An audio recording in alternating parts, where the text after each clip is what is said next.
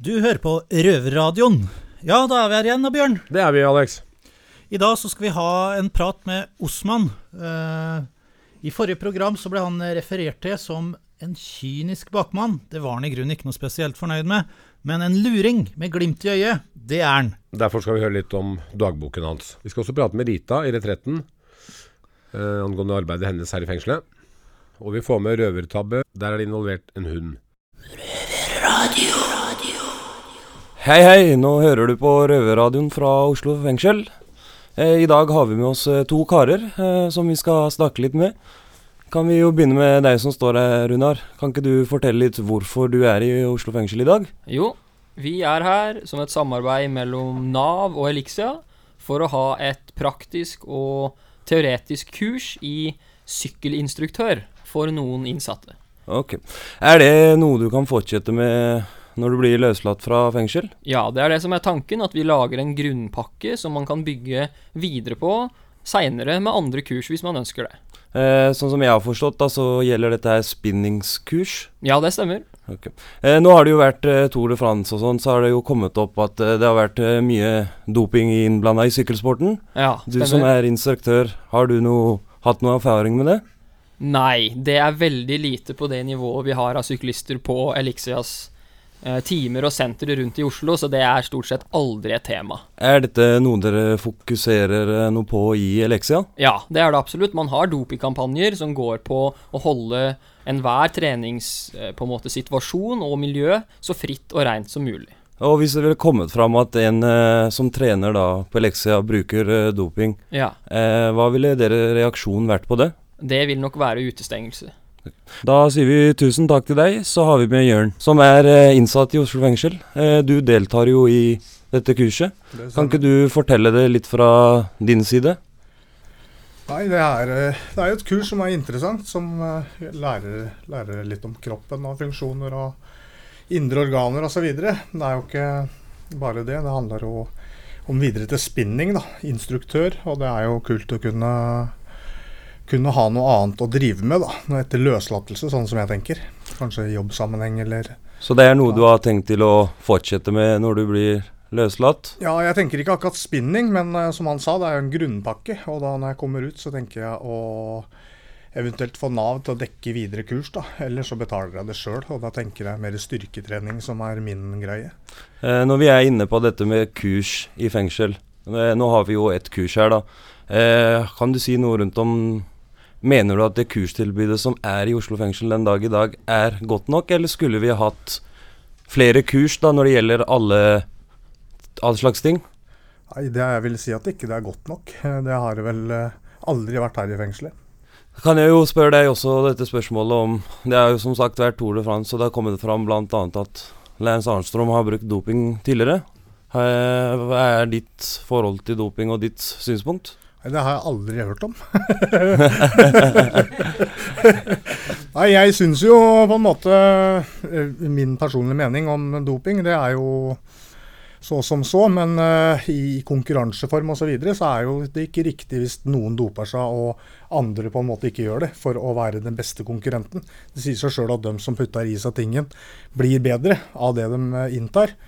Men sånn doping generelt, ja nå har det jo blitt forbudt, så jeg har drevet en del med trening, styrke, så jeg har godt kjennskap til andre midler. Det er vel do, eh, bloddoping han snakka om, så det har ikke jeg vært inn på. Nei. Da sier jeg bare takk skal du ha. Takk skal du ha. Røvertabber. Våre tabber, din underholdning. Hei, hei, det er Dag her fra Røverradioen. I dag så har jeg med meg Bjørn, som skal ta en eh, røvertabbe som har hendt han. Hei, hei, Dag. Hei. Kort fortalt så var jeg i Drøbak sammen med en kamerat. Michelin-mannen. Vi skulle Eller jeg så en Audi som jeg tenkte jeg skulle stjele. Ok? Jeg tok meg det verktøyet jeg trengte, gikk ut. eh, Så sto døra åpen. Sier du det? Jeg satte meg inn, og faen tror du ikke nøkla sto i òg. Det er jackpot. Det er jackpot. Så da var det bare å starte opp og kjøre. Mhm. Kom litt opp i gata, så hørte jeg voff, voff baki. Oi, hva tenkte du da, Bjørn? Nei, jeg titta i speilet og så om ikke verdens største hund, i hvert fall en jævlig svær hund. Eh, eh, jeg tenkte at jeg, hadde jo stjålet den av bilen. Jeg kunne ikke bare levere den. Jeg ville jo, da måtte jeg fullføre opplegget. Jeg skulle ta den med og dra. Ja. Ja, ja. Jeg måtte fylle bensin, stå på bensinstasjonen og Fylte og betalte og gikk ut igjen, og denne bikkja sto og bjeffa og logra. Og Ja, Så du har fått deg hund, da, med andre ord? Da hadde jeg fått meg både hund og bil. Jeg var ikke helt sikker på jeg var ikke inne på å beholde begge deler, men jeg kjørte hjem til hjembygda mi. Eh, klarte å få satt på eh, båndet gjennom et sånt gitter mellom baksetet og bagasjerommet. Ja. Lukket opp bagasjerommet og slapp den da ut, og den dro meg rundt på plassen her som en filmdokke omtrent. Men den var veldig snill og hyggelig. Jeg pratet med en kamerat av meg og fortalte dette, og han ville gjerne ha den hunden. Så han kom og henta den.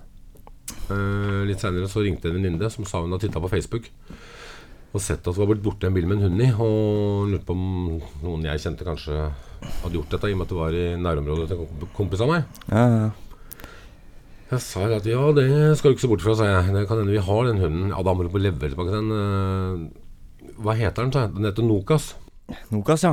Hva tenkte du da, Bjørn? Jeg tenkte at det kunne være noen gærninger som hadde denne bikkja. Eller eh, en ikke fullt så gal fyr, men eh, vi, vi vurderte å levere en Eller vi kom fram til at vi skulle levere en. Okay. Så jeg ringte til kamerat som hadde hunden. Eh, ringte til eh, bileieren fra skjult nummer. Eh, fikk avtalt at han sto og venta et sted i Moss.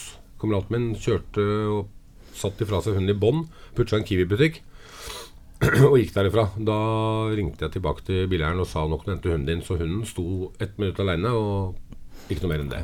Det var en god gjerning, Bjørn. Ja, jeg vet ikke. Oppi det hele så var det kanskje det. Moralen er da, hvis du absolutt skal stjele en bil, så er det kanskje lurt å sjekke at ikke det er eh, noen andre passasjerer i bilen. Røverradio. Fengselsflash. Visste du at du har mulighet til å få utvidet skråstrek dobbelt besøk dersom dine pårørende har lang reisevei? Du hører fortsatt på Røverradioen. Det du hørte akkurat, var Curtis Mayfield med 'Move On Up'. Nå har vi Rita Nilsen fra Retretten her. Kan du fortelle litt om din historie og avhengighet? Eh, jeg er jo eh, født inn i avhengigheten, holdt jeg på å si. Jeg er født inn, med, inn i rus eh, og faenskap. Og er en av Oslos første registrerte gatebarn. Jeg ble registrert som gatebarn i 75. Og eh, har mer eller mindre rusa meg siden jeg var ti år og fram til jeg var 34. Og jeg trodde, jeg trodde helt ærlig at jeg ikke hadde noe annen eh, skjebne enn det. At jeg måtte leve resten av livet med rus og faenskap og, og kriminalitet og vold og ja, det som følger med russen, da. På det nivået som jeg har rusa meg. Å være der ute, så handler det jo om at du må overleve. Og for meg så var jeg ikke innunder barnevernet eh, på noen måte. Og, og, jeg måtte da finansiere livet mitt med prostitusjon. For at det på den tida når jeg drev eh, og reka rundt, så var det en viss moral da, om at du tok ikke med deg småunger på, på innbruddsraid eller eh, Ja, du, du gjorde ikke det. Um, så, sånn at det, det blei veldig tøft å være ute, eh, og da vite at du var ikke velkommen noe sted. Mm. Eh, du var ikke ønska. Eh, du var Ja, det var sånn det var, liksom. Og da samtidig måtte kjempe for å kunne overleve. Det å kunne få sove over på, på uteseksjon hvis det var plass. For det var jo da, der hvor Blitzhuset her i dag. Der var jo uteseksjon når jeg eh, var på kjøret. Så fikk jeg være der, eller så måtte jeg sove over hos noen. Eller så måtte jeg sove i underetasjen, T-etasje på Rikshospitalet.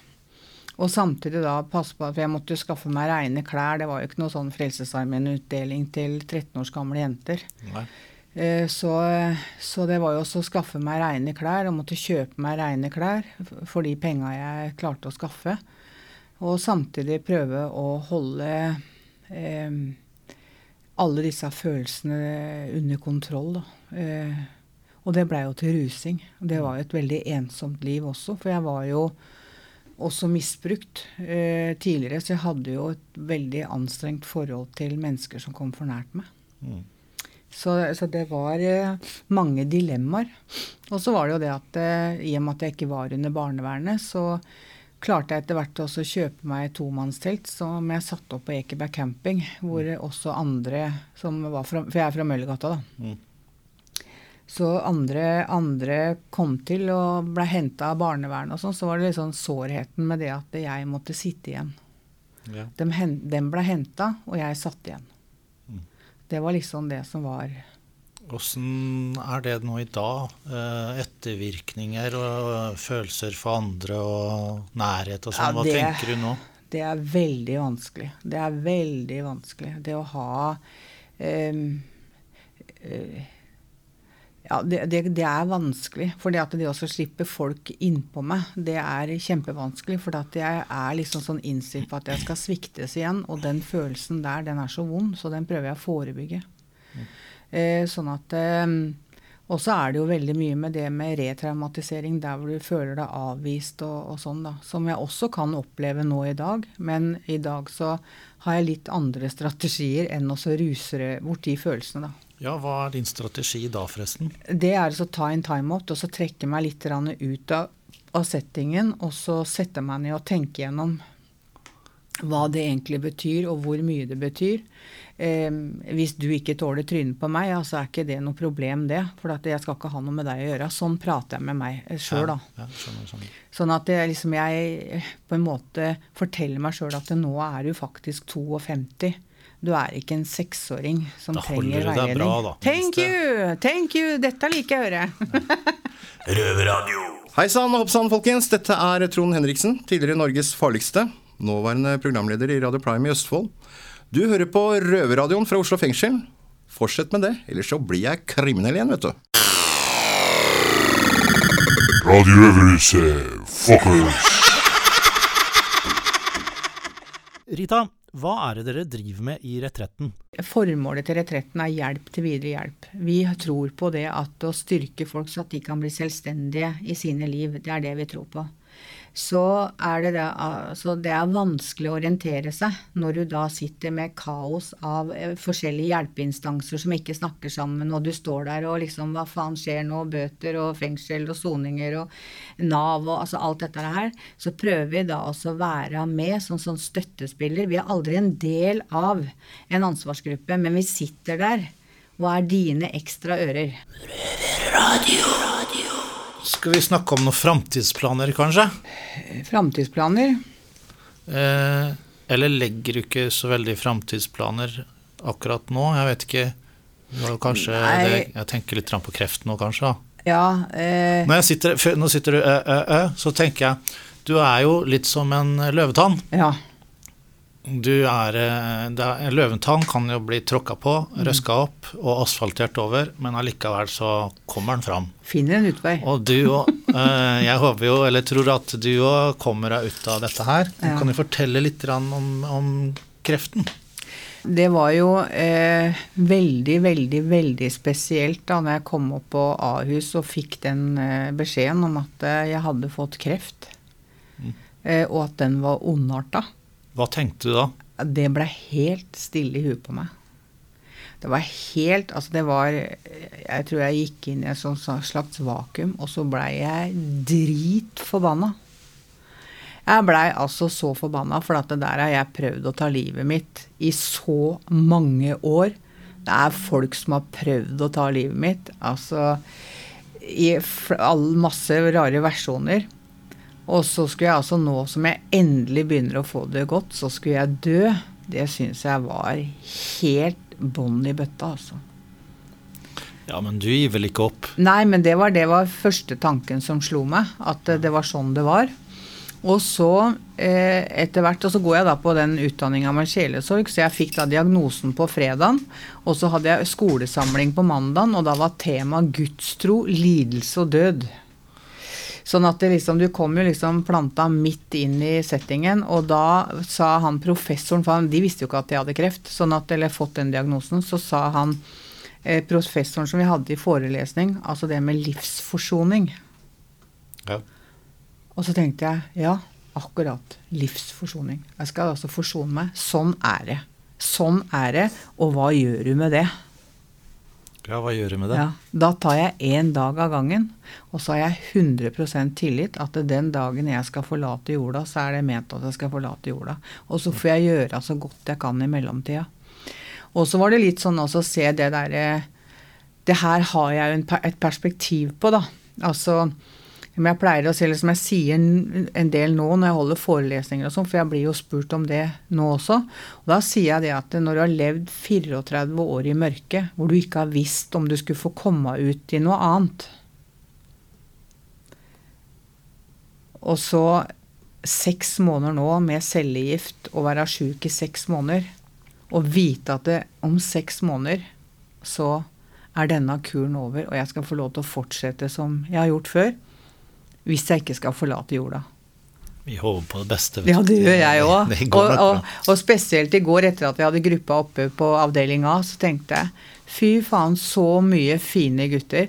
Jeg må da få lov til å være frisk, så at jeg kan få lov til å følge dem i mange år, for det blir spennende.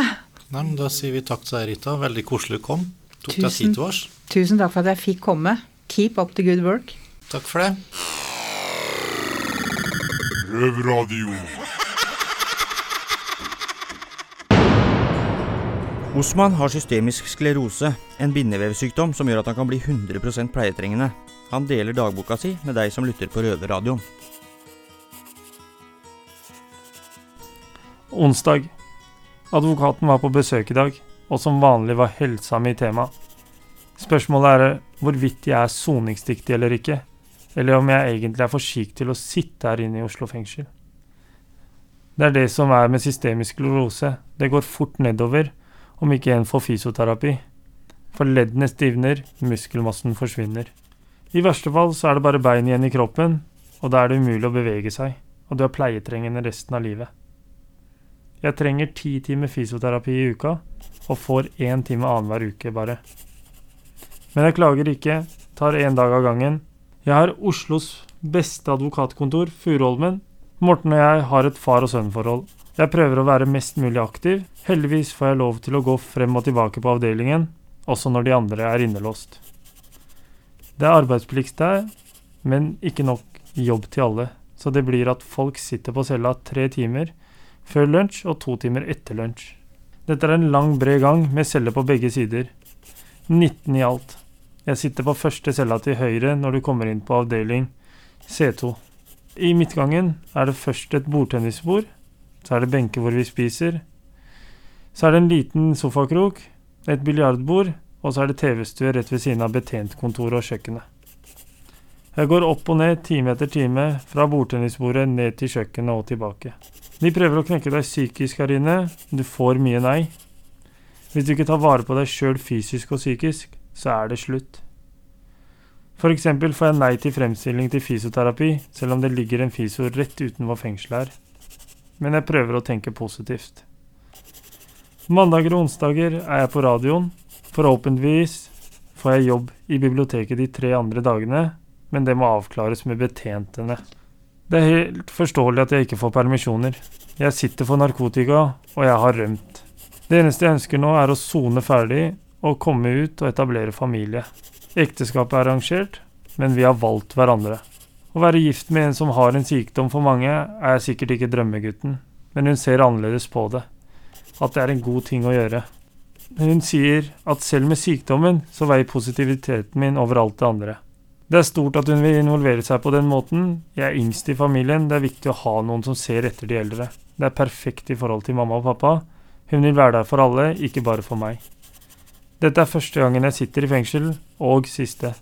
Jeg har en toppadvokat, jeg har et godt nettverk der ute, en sterk søster og en jente som venter. Da er det bare å ta én dag av gangen. Hva i all verden er det vi hørte nå?